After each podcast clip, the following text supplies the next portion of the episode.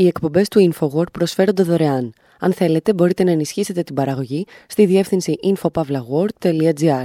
Η διεύθυνση infopavlagor.gr. Η εκπομπή InfoWord με τον Άρη Χατζηστεφάνου.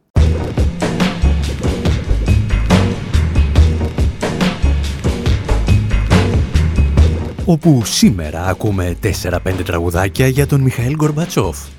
Όχι γιατί του είχαμε κάποια ιδιαίτερη αδυναμία, αλλά γιατί η άποψη πως ένας άνθρωπος ευθύνεται για τη διάλυση της Σοβιετικής Ένωσης δεν μας ακούγεται και τόσο μαρξιστική. Αφήνουμε τον Έλβις Κοστέλο να βλέπει στον Γκορμπατσόφ μια μικρή σταχτοπούτα και την Μάργαρετ Θάτσερ να βρίσκει έναν καλό συνεργάτη για business. Μοιραζόμαστε με τον Νίκη Πόπ μερικές σκέψεις για τον Κορμπατσόφ και το τείχος του Βερολίνου, αλλά πεταγόμαστε και μέχρι το Γκτάνσκ της Πολωνίας για να κάνουμε μία ερώτηση στον Λεχ Βαλέσα. Ακούμε τον Prince να υποστηρίζει ότι ο τύπος θα μπορούσε να μας τεινάξει όλους στον αέρα, αλλά παρακολουθούμε και τον Νόαμ Τσόμσκι να μας εξηγεί ότι αυτό είναι συνήθως δουλειά του ΝΑΤΟ.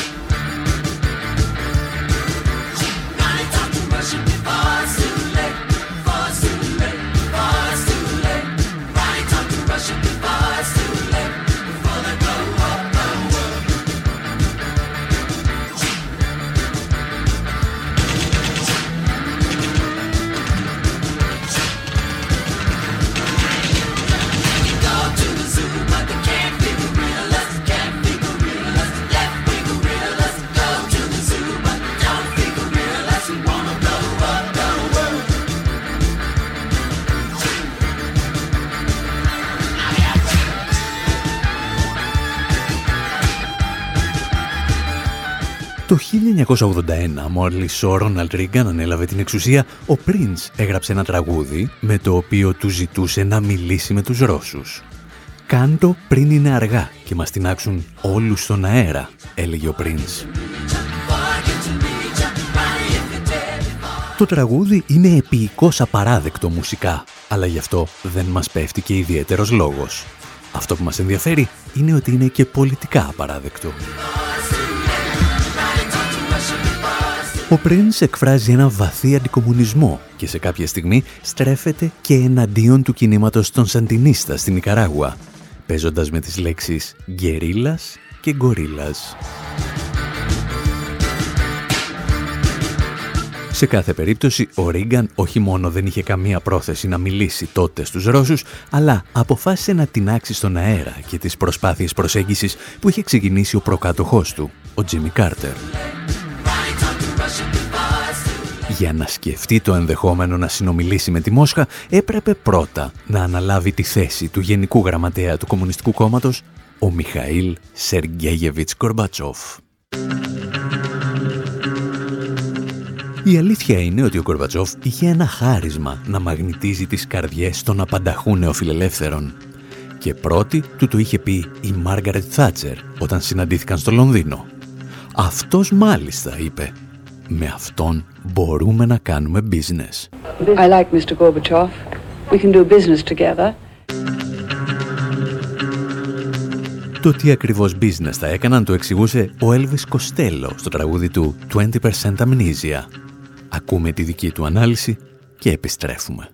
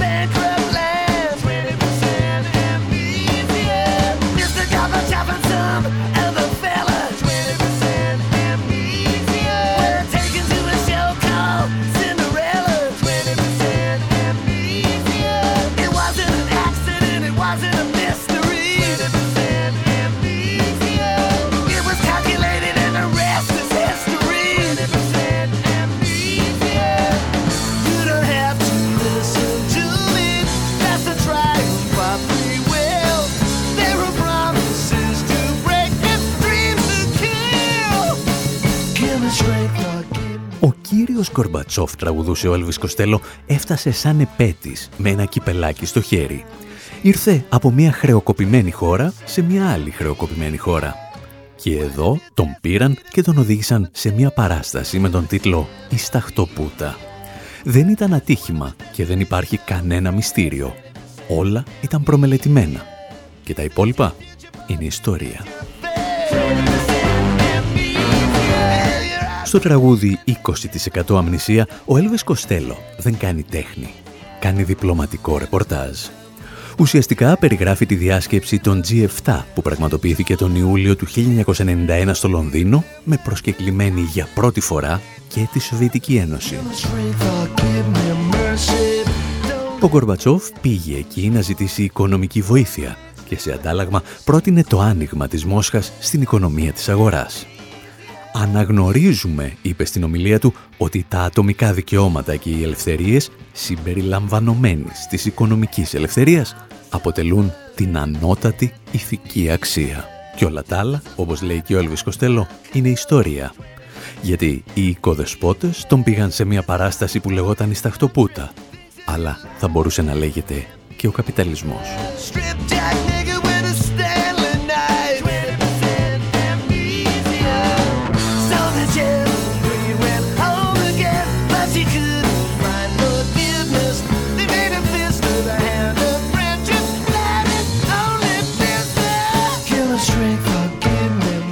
Τη δική του εκδοχή της ιστορίας, η οποία μάλλον δεν διαφέρει και πολύ από αυτή του Elvis Costello, θα δώσει αργότερα και ο Iggy Pop. Διασκευάζει τον εαυτό του, που είχε διασκευάσει το τραγούδι Louis Louis και μιλά για τον κομμουνισμό, τον Γκορμπατσόφ, τον Μπούς, την πτώση του τείχους και μια γλυκόπικρη γεύση στο στόμα. And now, the news.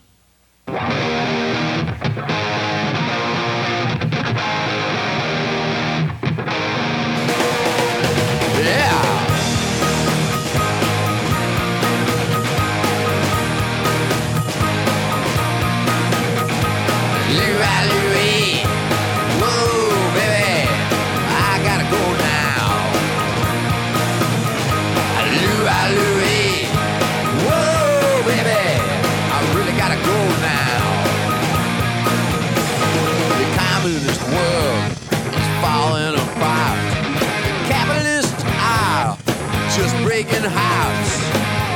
Money is the reason to be.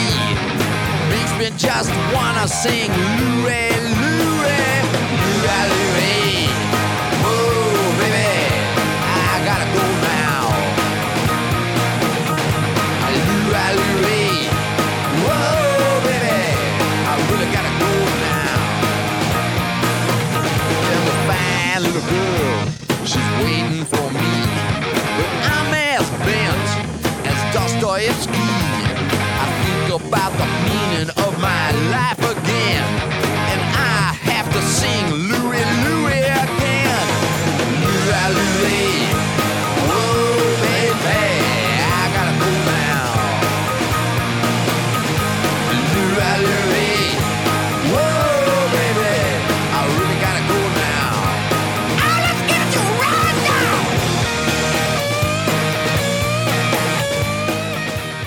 Pop μας εξηγεί ότι ο κομμουνιστικός κόσμος διαλύεται στα έξω συνετέθη και έρχονται οι καπιταλιστές να σπάσουν καρδιές.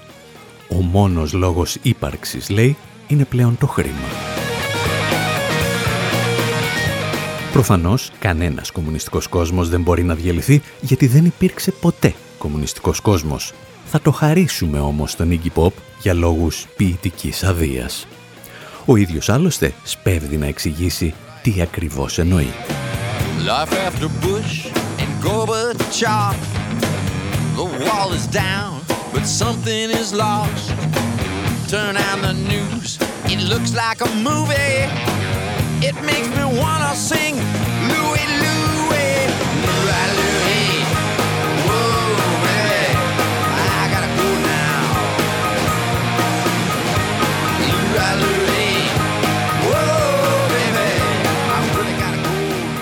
Ο Iggy Pop για τη ζωή μετά τον Μπούς και τον Κορβατσόφ. Τώρα λέει που το τείχος του Βερολίνου έχει πέσει, αλλά κάτι φαίνεται να χάθηκε μαζί του. Η πτώση του τείχους του Βερολίνου είναι κομβική σημασία στην αφήγηση της Δύσης για την παρακαταθήκη του Μιχαήλ Κορβατσόφ ο πρόεδρος Ρίγκαν, ακόμη και όταν οι σχέσεις του με τον Κορμπατσόφ είχαν βελτιωθεί θεαματικά, πραγματοποιούσε επικοινωνιακές επιθέσεις εναντίον του με συνεχείς αναφορές στο τείχος. Όπως η περίφημη ομιλία του στο Βερολίνο. General Secretary Gorbachev, if you seek peace, Γενική Γραμματέα Γκουρμπατζόφ, εάν θέλετε την ειρήνη, εάν θέλετε την ευημερία για τη Σοβιετική Ένωση και την Ανατολική Ευρώπη, εάν θέλετε την φιλελευθεροποίηση, ελάτε σε αυτή την πύλη. Κύριε Γκουρμπατζόφ, ανοίξτε αυτή την πύλη. Κύριε Γκουρμπατζόφ, γκρεμίστε αυτό το τείχος.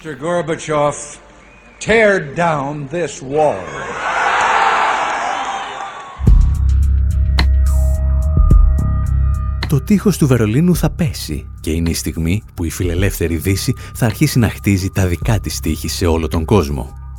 Δύο δεκαετίες μετά την πτώση, το δίκτυο CBC περιεγραφέ κάπως έτσι την κατάσταση. Since the Berlin Wall came down, more than a dozen new walls have gone up. Μετά την πτώση του τείχους του Βερολίνου, υψώθηκαν τουλάχιστον 12 νέα τείχη. Οι Ηνωμένες Πολιτείες, που αντιδρούσαν τόσο έντονα για το τείχος του Βερολίνου, τώρα μετακινούν ολόκληρα βουνά από χώμα για να χτίσουν το δικό τους τείχος στα σύνορα με το Μεξικό. Η Ευρωπαϊκή Ένωση μπορεί να άνοιξε τα σύνορά της, αλλά δημιούργησε ένα φρούριο γύρω της. Την ίδια ώρα στη Μέση Ανατολή υψώνεται ένα τείχος ανάμεσα στο Ισραήλ και τα κατεχόμενα. Μπορεί όμως ένας τείχος, δηλαδή μια τεχνολογία τεχνολογία τόσο παλιά όσο και ο ανθρώπινος πολιτισμός να λύσει τα προβλήματα του 21ου αιώνα. a technology as old as civilization, solve the problems of the 21st century?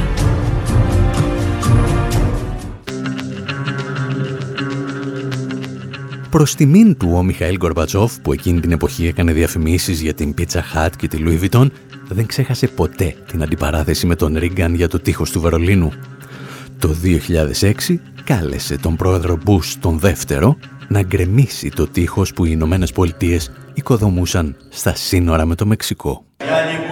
Well, I will not repeat what President Reagan once said. But I think historically θα ήθελα να το επαναλάβω ότι είχε πει κάποτε ο πρόεδρος Ρίγκαν. Ιστορικά γνωρίζουμε ότι το συνικό τείχος, το τείχος του Βερολίνου και όλα τα άλλα τείχη δεν έφεραν αποτελέσματα. Ακόμη και μια χώρα τόσο πλούσια όσο οι ΗΠΑ δεν έχει ανεξάντλητους πόρους. Γιατί λοιπόν να ξοδεύει τα χρήματά της σε τέτοια πράγματα;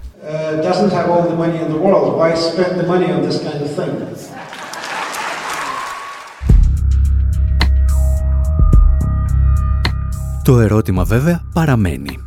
Ήταν η πτώση του τείχους του Βερολίνου το κομβικό σημείο που οδήγησε στη διάλυση της Σοβιετικής Ένωσης και αν ναι, ποιος ήταν ο ρόλος που έπαιξε ο Γκορμπατσόφ σε αυτό.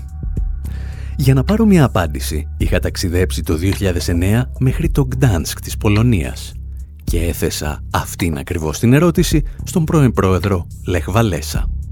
Και αυτός μου είπε «Μπα, σιγά το τείχος».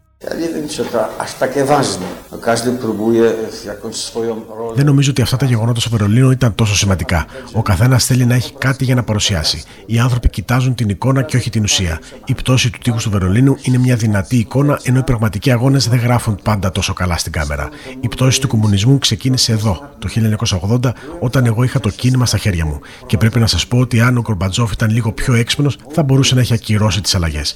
Μέχρι τη δική μας απεργία το 1980, οι κομμουνιστές προσπαθούσαν να σταματήσουν όλα τα κινήματα. Επιτέθηκαν το 1956 στην Ουγγαρία, νωρίτερα στην Ανατολική Γερμανία, αργότερα στην Τσεχοσλοβακία και ούτω καθεξής. Ήθελαν να αποδείξουν ότι το κομμουνιστικό μέτωπο ήταν ισχυρό και με λαϊκή υποστήριξη.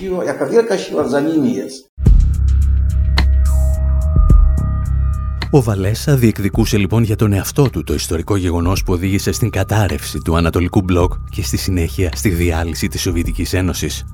Γιατί, όπως θα δούμε και στη συνέχεια, αυτή η ιστορία είναι γεμάτη από μικρούς ανθρώπους με τεράστια εγώ, οι οποίοι νόμιζαν ότι μόνοι τους άλλαζαν την πορεία της ιστορίας. Σε κάθε περίπτωση, η ουσία της σχέσης του Γκορμπατσόφ με τη διάλυση του Ανατολικού Μπλοκ και την πτώση του τείχους του Βερολίνου είναι πολύ βαθύτερη και μας ενδιαφέρει πολύ περισσότερο σήμερα που βρίσκεται σε εξέλιξη η ρωσική εισβολή στην Ουκρανία. Την ημέρα που πέθανε ο Μιχαήλ Γκορμπατσόφ παρακολουθούσα στη Νέα Υόρκη την παρουσίαση του βιβλίου The Withdrawal που συνυπογράφει ο Νόαμ Τσόμσκι μαζί με τον Ινδό μαρξιστή ιστορικό Βιτζάι Πρασάντ. Και φυσικά ο Τσόμσκι δεν έχασε την ευκαιρία να συνδέσει τον Γκορμπατσόφ με το τείχος του Βερολίνου αλλά και τον πόλεμο στην Ουκρανία λέγοντας τα εξής. Gorbachev agreed to let Germany uh, unify and join NATO ο Γκομπατζόφ συμφώνησε να επιτρέψει στη Γερμανία να επανονωθεί και να ενταχθεί στο ΝΑΤΟ, το οποίο αποτελούσε μια εχθρική στρατιωτική συμμαχία. Πρόκειται για ιστορική υποχώρηση. Υπήρχε όμως μια προπόθεση. Ο πρόεδρος Μπούς συμφώνησε ότι το ΝΑΤΟ δεν θα επεκταθεί ούτε ένα εκατοστό ανατολικά της Γερμανίας. Σήμερα υπάρχει μεγάλος βαθμός παραπληροφόρησης σχετικά με αυτή τη συμφωνία. Το κείμενο όμως ήταν απόλυτα ξεκάθαρο και μπορεί να το διαβάσει στο Εθνικό Αρχείο. Όταν όμως ανέλαβε την προεδρία ο Μπιλ Κλίντον, έσπασε τη συμφωνία με τον Γκορμπατσόφ και ξεκίνησε την προς ανατολάς επέκταση του ΝΑΤΟ, την οποία συνέχισε ο Τζον Μπους ο νεότερος. Το ΝΑΤΟ έφτασε λοιπόν στα σύνορα της Ρωσίας και αυτό δεν άρεσε καθόλου στους Ρώσους. Παρ' όλα αυτά το ανέχτηκαν θέτοντας όμως μια κόκκινη γραμμή. Η Γεωργία και η Ουκρανία δεν θα εντάσσονταν στο ΝΑΤΟ. Georgia and Ukraine not join NATO.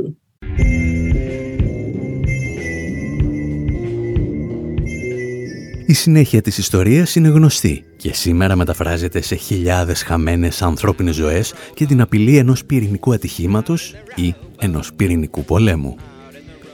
Η ιστορία του Τσόμσκι βέβαια αφήνει ακόμη αναπάντητο το μεγάλο ερώτημα. Ο Κορμπατσόφ ήταν ο χρήσιμος ηλίθιος ή ο δολοφόνος της Σοβιετικής Ένωσης;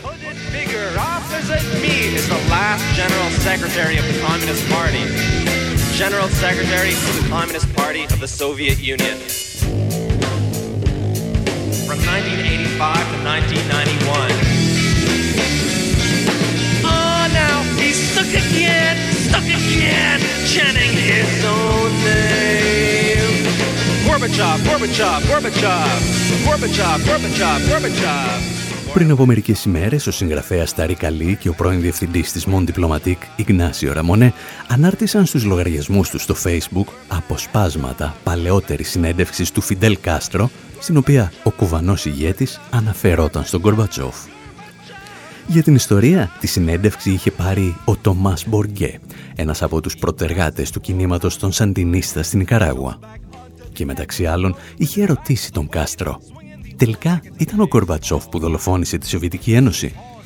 Και ο Κάστρο απάντησε ως εξής. Όχι, δεν μπορώ να το πω αυτό για τον Κορμπατζόφ. Έχω άλλη εικόνα για αυτόν και δεν είναι η εικόνα του δολοφόνου που οργάνωσε τη διάλυση της Σοβιετικής Ένωσης. Η Σοβιετική Ένωση αυτοκαταστράφηκε. Προφανώς η ευθύνη γι' αυτό βαραίνει τους ηγέτες της χώρας. Κάποιοι από αυτούς γνώριζαν ότι την καταστρέφουν και κάποιοι όχι. Δεν μπορώ να πω ότι ο Κορμπατζόφ γνώριζε για την επερχόμενη διάλυση γιατί πιστεύω ότι σκόπευε να δώσει τη μάχη για την βελτίωση του σοσιαλισμού στη Σοβιετική Ένωση. Προφανώς εμείς δεν θα είχαμε αποδεχθεί ποτέ τη διάλυση όχι μόνο του σοσιαλισμού αλλά ακόμη και της Σοβιετικής Ένωσης. Η κατάσταση αυτή προκάλεσε τρομακτική ζημιά για τους ανθρώπους σε όλο τον κόσμο και ιδιαίτερα στον τρίτο κόσμο. Ο υπεραλισμό δεν θα είχε καταφέρει να σπάσει τη Σοβιετική Ένωση αν οι Σοβιετικοί δεν είχαν αυτοκαταστραφεί. Ο σοσιαλισμός δεν πέθανε από φυσικά αίτια. Ήταν αυτοκτονία, αλλά ήταν και δολοφονία. Ο Φιντελ Κάστρο φάνηκε να προσφέρει ένα μικρό συγχωροχάρτη στον Μιχαήλ Κορπατσόφ ή τουλάχιστον να του αναγνωρίζει το ελαφρεντικό της βλακείας.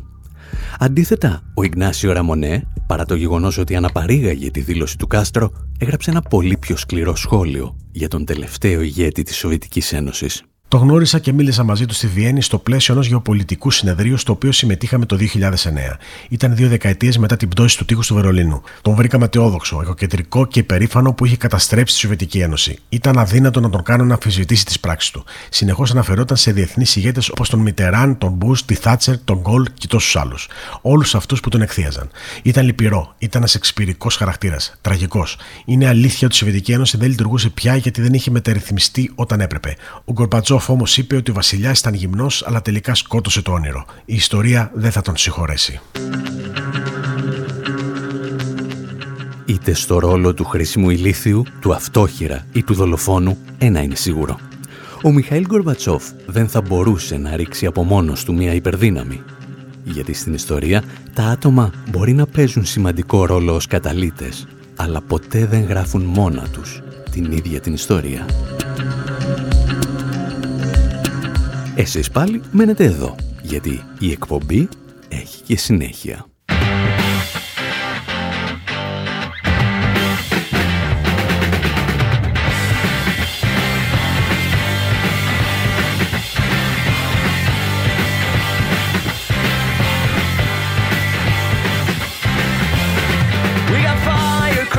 and red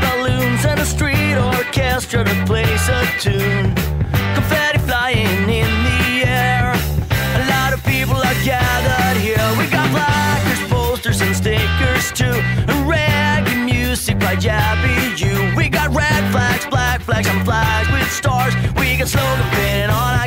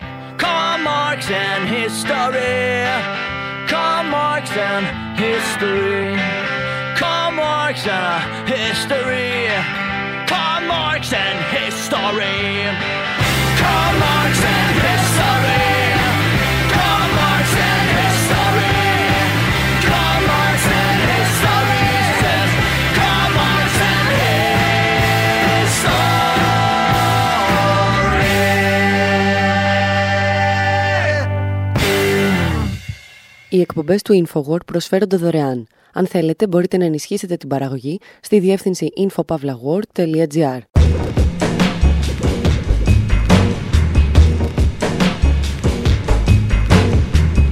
Εκπομπή Infowar, μέρος δεύτερο. Όπου αφού θάψαμε κυριολεκτικά και μεταφορικά τον Μιχαήλ Γκορμπατσόφ, οφείλουμε να του αναγνωρίσουμε και κάτι. Την προσπάθειά του για τη μείωση των πυρηνικών εξοπλισμών που θα μπορούσαν να αφανίσουν την ανθρωπότητα ανα πάσα στιγμή.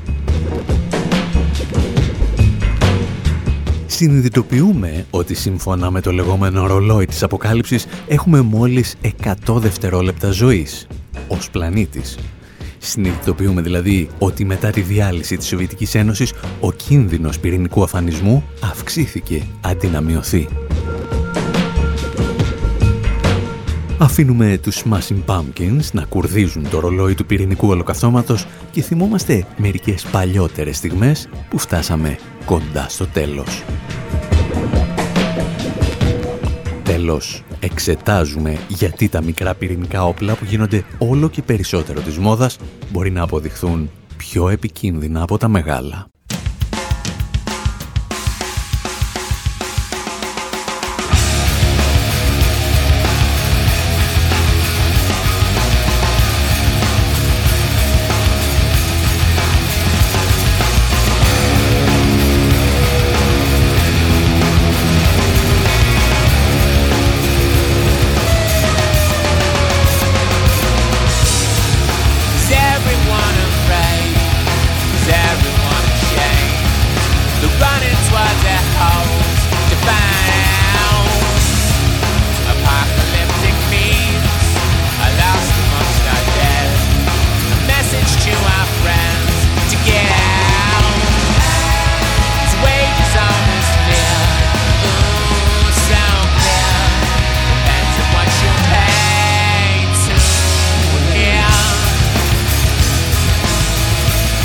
Smashing Pumpkins στα άγρια νιάτα τους τραγουδούν το Doomsday Clock, το οποίο θα μπορούσαμε να μεταφράσουμε και σαν το ρολόι της αποκάλυψης. Yes, my song.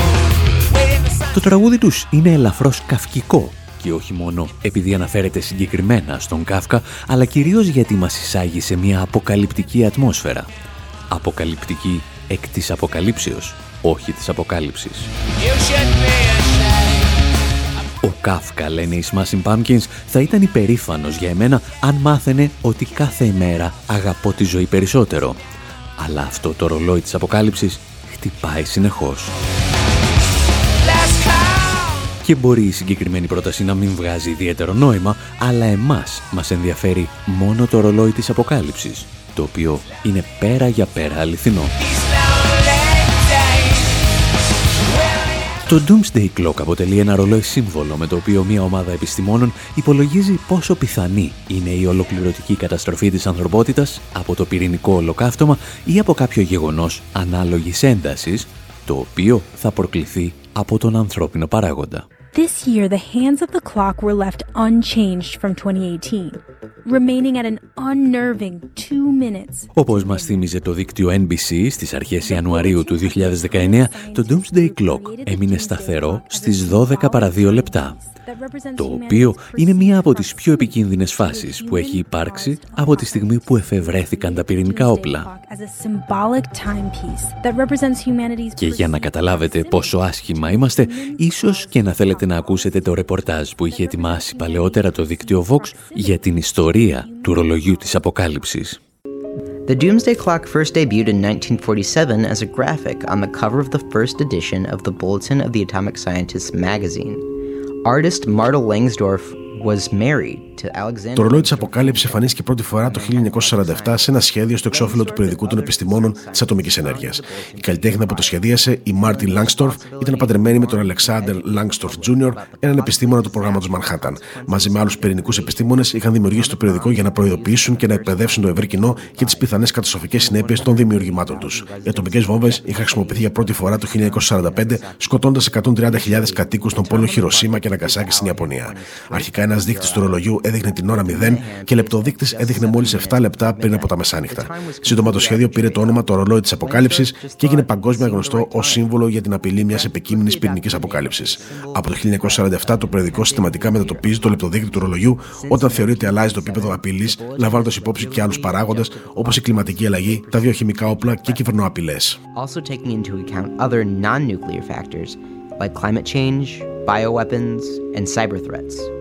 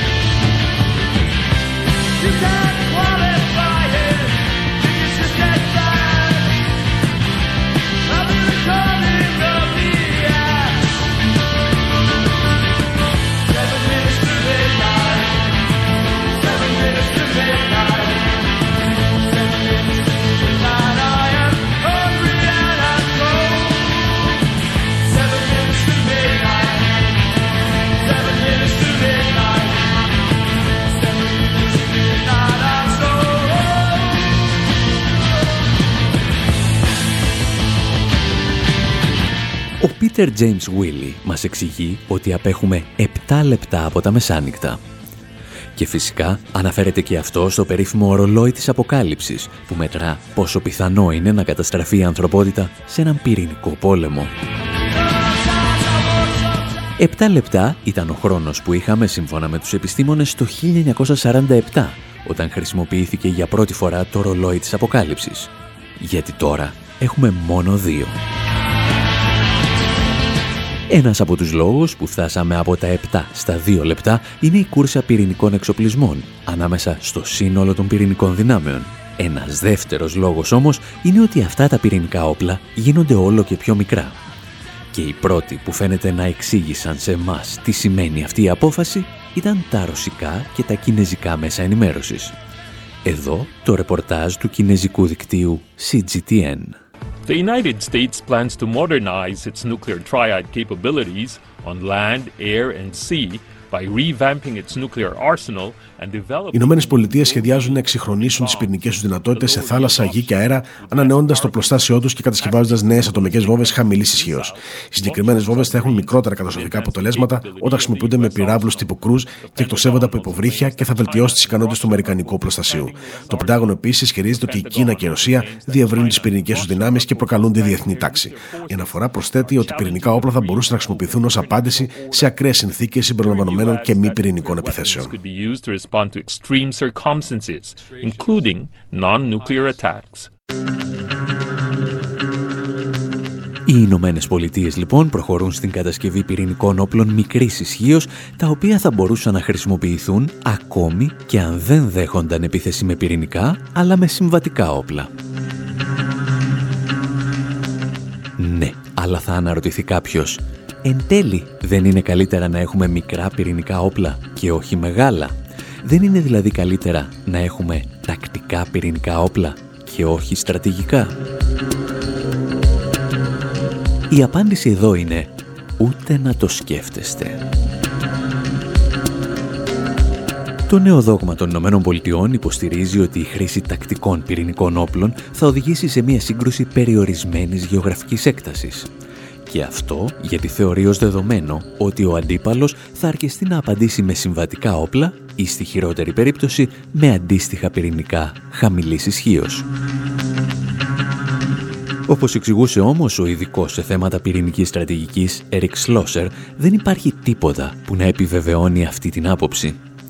Όταν γνωρίζεις ότι μπορείς να χρησιμοποιήσεις πυρηνικά όπλα χωρίς να έρθει άμεσα το τέλος της ανθρωπότητας, είναι πολύ πιο εύκολο να πατήσεις το κουμπί. Ποιος μας λέει όμως ότι ένας τακτικός πυρηνικός πόλεμος δεν θα εξελιχθεί σύντομα σε στρατηγικό, όταν η μία πλευρά συνειδητοποιήσει ότι κινδυνεύει να χάσει τα πάντα. Και ύστερα υπάρχει και ένα δεύτερο πρόβλημα, εξηγούσε ο Σλόσερ. Φανταστείτε, λέει, ότι οι Ρώσοι συνειδητοποιούν ότι ένας πύραυλος εκτοξεύθηκε από ένα αμερικανικό υποβρύχιο και κινείται προς τη Μόσχα με τις ταχύτητες των σύγχρονων βαλιστικών πυράβλων μπορεί να φτάσει στη ρωσική πρωτεύουσα σε περίπου 10 με 12 λεπτά. Οι Ρώσοι αξιωματούχοι, λέει ο Σλόσερ, δεν μπορούν να γνωρίζουν εάν ο πύραυλος φέρει μια πυρηνική κεφαλή χαμηλής ισχύως, η οποία θα μπορούσε λόγου χάρη να καταστρέψει μια ύλη αρμάτων μάχης ή αν φέρει μια κεφαλή μεγάλης ισχύως που θα μπορούσε να ισοπεδώσει τη μισή Μόσχα. Η μόνη τους επιλογή είναι να ενημερώσουν τον Ρώσο πρόεδρο, ο οποίος θα πρέπει να καλέσει τον Αμερικανό πρόεδρο και να τον ρωτήσει περί τίνος πρόκειται. Στην πραγματικότητα βέβαια αυτό το τηλεφώνημα δεν θα συμβεί ποτέ, γιατί τα πυρηνικά όπλα χαμηλής ισχύως δεν χρειάζονται έγκριση από τον πρόεδρο των Ηνωμένων Πολιτειών. Την επίθεση μπορεί να έχει διατάξει ο διοικητής μιας αμερικανικής στρατιωτικής βάσης ή ενός υποβρυχίου. Παραδείγματος χάρη, ο στρατηγός από την ταινία SOS Πεντάγωνο Καλιμόσχα, που πίστευε ότι οι κομμουνιστές κάνουμε κάτι περίεργο με τα σωματικά του υγρά. Και αν νομίζετε ότι αυτές είναι ιστορίες βγαλμένες από ταινίες, να σας θυμίσουμε ότι οι διοικητές υποβρυχίων βρέθηκαν σε αυτήν ακριβώς την κατάσταση κατά τη διάρκεια της κρίσης των πυράβλων στην Κούβα το 1962. Τα εξηγούσε πριν από μερικά χρόνια ο Νόαμ Τσόμσκι. Uh, in October, there was um, τον Οκτώβριο έγινε μια συνάντηση για την επέτειο των 40 χρόνων από την κρίση των πυράβλων. Συμμετείχαν ορισμένοι από τους πρωταγωνιστές της ιστορίας από τις Ηνωμένες Πολιτείες, τη Ρωσία και την Κούβα. Γνώριζαν ήδη ότι η κρίση των πυράβλων ήταν η πιο επικίνδυνη στιγμή στην ανθρώπινη ιστορία. Αυτό που συνειδητοποίησαν όμως τον Οκτώβριο τους άφησε άφωνους. Κατάλαβαν ότι ο κόσμος μας απήχε μόνο μια λέξη από ένα θερμοπυρηνικό πόλεμο. Δύο σοβιετικά υποβρύχια δέχτηκαν επίθεση από αμερικανικά καταδρομικά. Οι διοικητές των υποβρυχίων νόμιζαν ότι είχε ξεκινήσει πυρηνικός πόλεμος και είχαν στη διάθεσή τους πυρηνικά όπλα για να απαντήσουν. Δύο από τους διοικητές διέταξαν επίθεση. Αυτό θα σήμαινε ότι από τις αντιδράσεις και των δύο πλευρών η Νέα Υόρκη και η Μόσχα θα εξαφανίζονταν σε λίγα λεπτά. Γιατί δεν έγινε αυτό, Γιατί ένας τρίτος διοικητής των υποβρυχίων ακύρωσε την εντολή. Και έτσι σήμερα είμαστε εδώ και μιλάμε.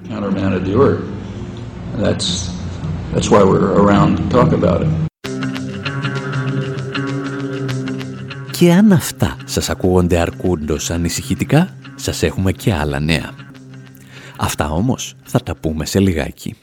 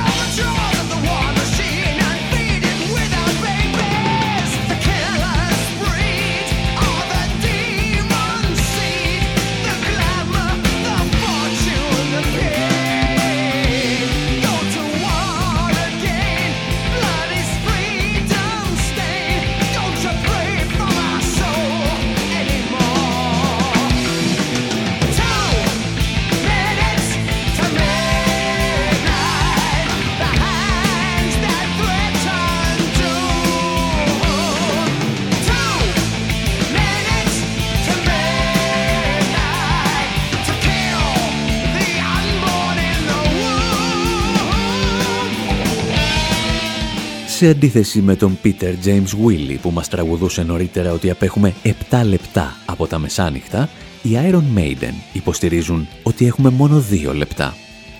Αυτό δηλαδή που λένε εδώ και περίπου ένα χρόνο και κορυφαίοι επιστήμονες, οι οποίοι καταγράφουν τον κίνδυνο αφανισμού του πλανήτη με το περίφημο ρολόι της αποκάλυψης. Ένας από τους λόγους, σύμφωνα με τους επιστήμονες, είναι η νέα κούρσα πυρηνικών εξοπλισμών και κυρίως τα νέα πυρηνικά όπλα μικρής ισχύως. Ένας άλλος λόγος, θα σας πούμε εμείς, είναι ότι ο Ντόναλτ Τραμπ και η οικογένειά του σκέφτονται σοβαρά να μετατρέψουν σε πυρηνική δύναμη τη Σαουδική Αραβία. House Democrats are accusing the Trump administration of moving toward transferring highly sensitive nuclear technology to Saudi Arabia in potential violation Οι Δημοκρατικοί κατηγορούν την κυβέρνηση Τραμπ ότι προχωρά στη μεταφορά άκρο ευαίσθητης πυρηνικής τεχνολογίας στη Σαουδική Αραβία, πιθανώς κατά παράβαση του νόμου. Οι επικριτές λένε ότι η συμφωνία θα μπορούσε να θέσει σε κίνδυνο την εθνική ασφάλεια, κάνοντας πλουσιότερους τους στερνού συνεργάτες του Πρόεδρου Τραμπ. Η Σαουδική Αραβία εξετάζει το ενδεχόμενο να κατασκευάσει 16 πυρηνικούς σταθμούς μέχρι το 2030. Αλλά πολλοί φοβούνται ότι το Βασίλειο θα μπορούσε να χρησιμοποιήσει την τεχνολογία για να κατασκευάσει πυρηνικά όπλα και να προκαλέσει πυρηνικό ανταγωνισμό στη Μέση Ανατολή. Σε συνέντευξη του πέρσι, ο πρίγκιπας Μοχάμαντ Μπιν Σαλμάν είχε δηλώσει καθαρά ότι αν το Ιράν αποκτούσε πυρηνικά όπλα, το ίδιο θα έκανε και η Σαουδική Αραβία.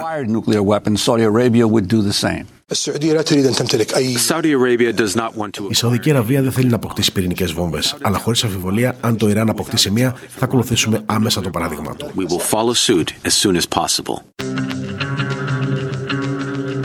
Η έρευνα των Δημοκρατικών για την πρόθεση του Τραμπ να προσφέρει πυρηνική τεχνολογία στη Σαουδική Αραβία προχώρησε και ένα βήμα περισσότερο. Και από πίσω έκαναν τότε την εμφάνισή τους συγκεκριμένες εταιρείες από τα παλιά. On Thursday, the House Oversight Committee issued an interim report on the proposed Saudi deal after multiple whistleblowers. Την Πέμπτη, η Επιτροπή Εποπτείας του Λευκού Οίκου εξέδωσε ειδική έκθεση για την προτινόμενη συμφωνία με τη Σαουδική Αραβία εν μέσω καταγγελιών ότι οι υψηλόβαθμοι σύμβολοι του Λευκού Οίκου και συνεργάτες του Τραμπ πιέζουν για τη μεταφορά της πυρηνικής τεχνολογίας. Στην υπόθεση εμπλέκεται η εταιρεία IP3, η οποία δημιουργήθηκε για να βοηθήσει αμερικανικές εταιρείες να κατασκευάσουν πυρηνικούς σταθμούς στη Σαουδική Αραβία και σε άλλες περιοχές, στο πλαίσιο αυτού που αποκαλούν σχέδιο Marshall για τη Μέση Ανατολή. Ο πρώην σύμβουλο Εθνικής Ασφαλείας Μάικλ Φλιν είχε εργαστεί ως σύμβουλος μιας θηγατρικής εταιρείας της IP3 πρωτού βρεθεί στο Λευκό Οίκο και συνεχίζει να υπερασπίζεται την εταιρεία. Συνειδητής της εταιρείας IP3 ήταν ο Bud McFarlane, πρώην εξωματούχο της κυβέρνησης Ρίγκαν, που δήλωσε ένοχος για τη συμμετοχή στην υπόθεση Ιράν Κόντρα το 1988.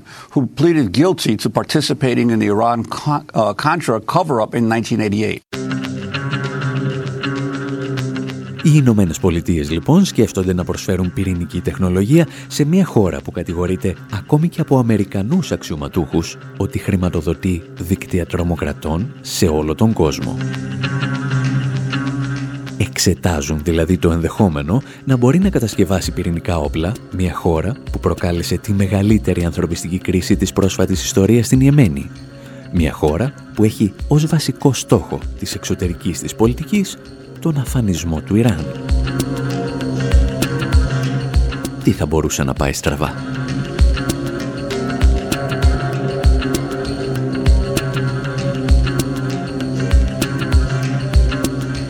Εμείς πάντως λέμε να σας αφήσουμε και για αυτή την εβδομάδα. Από τον Άρη Χατζηστεφάνου στο μικρόφωνο, την Μυρτώ Σιμεωνίδου σε μεταφράσεις και εκφωνήσεις και τον Δημήτρη Σαθόπουλο στην τεχνική επιμέλεια, γεια σας και χαρά σας.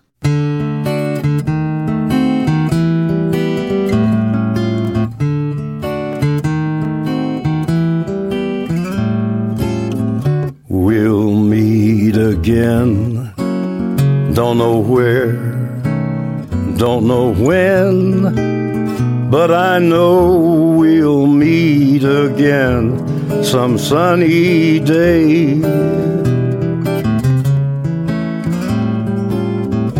Keep smiling through, just like you always do till the blue skies drive the dark clouds far away. And will you please say hello to the folks that I know? Tell them that I won't be long. And they'll be happy to know that as you saw me go, I was singing this song. We'll meet again.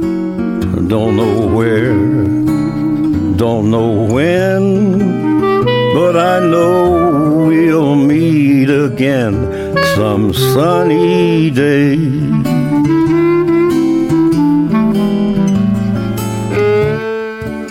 Yeah, we'll meet again. I don't know where, and I don't know when. But I do know that we'll meet again some sunny day.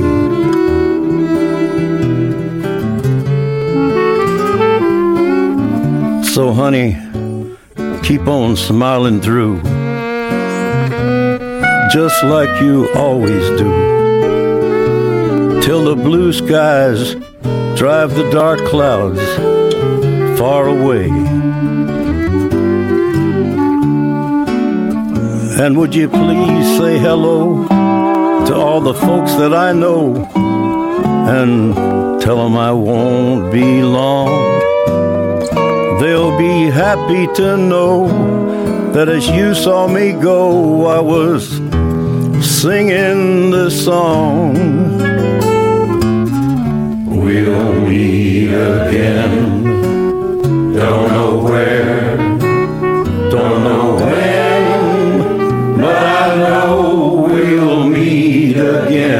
samsarī.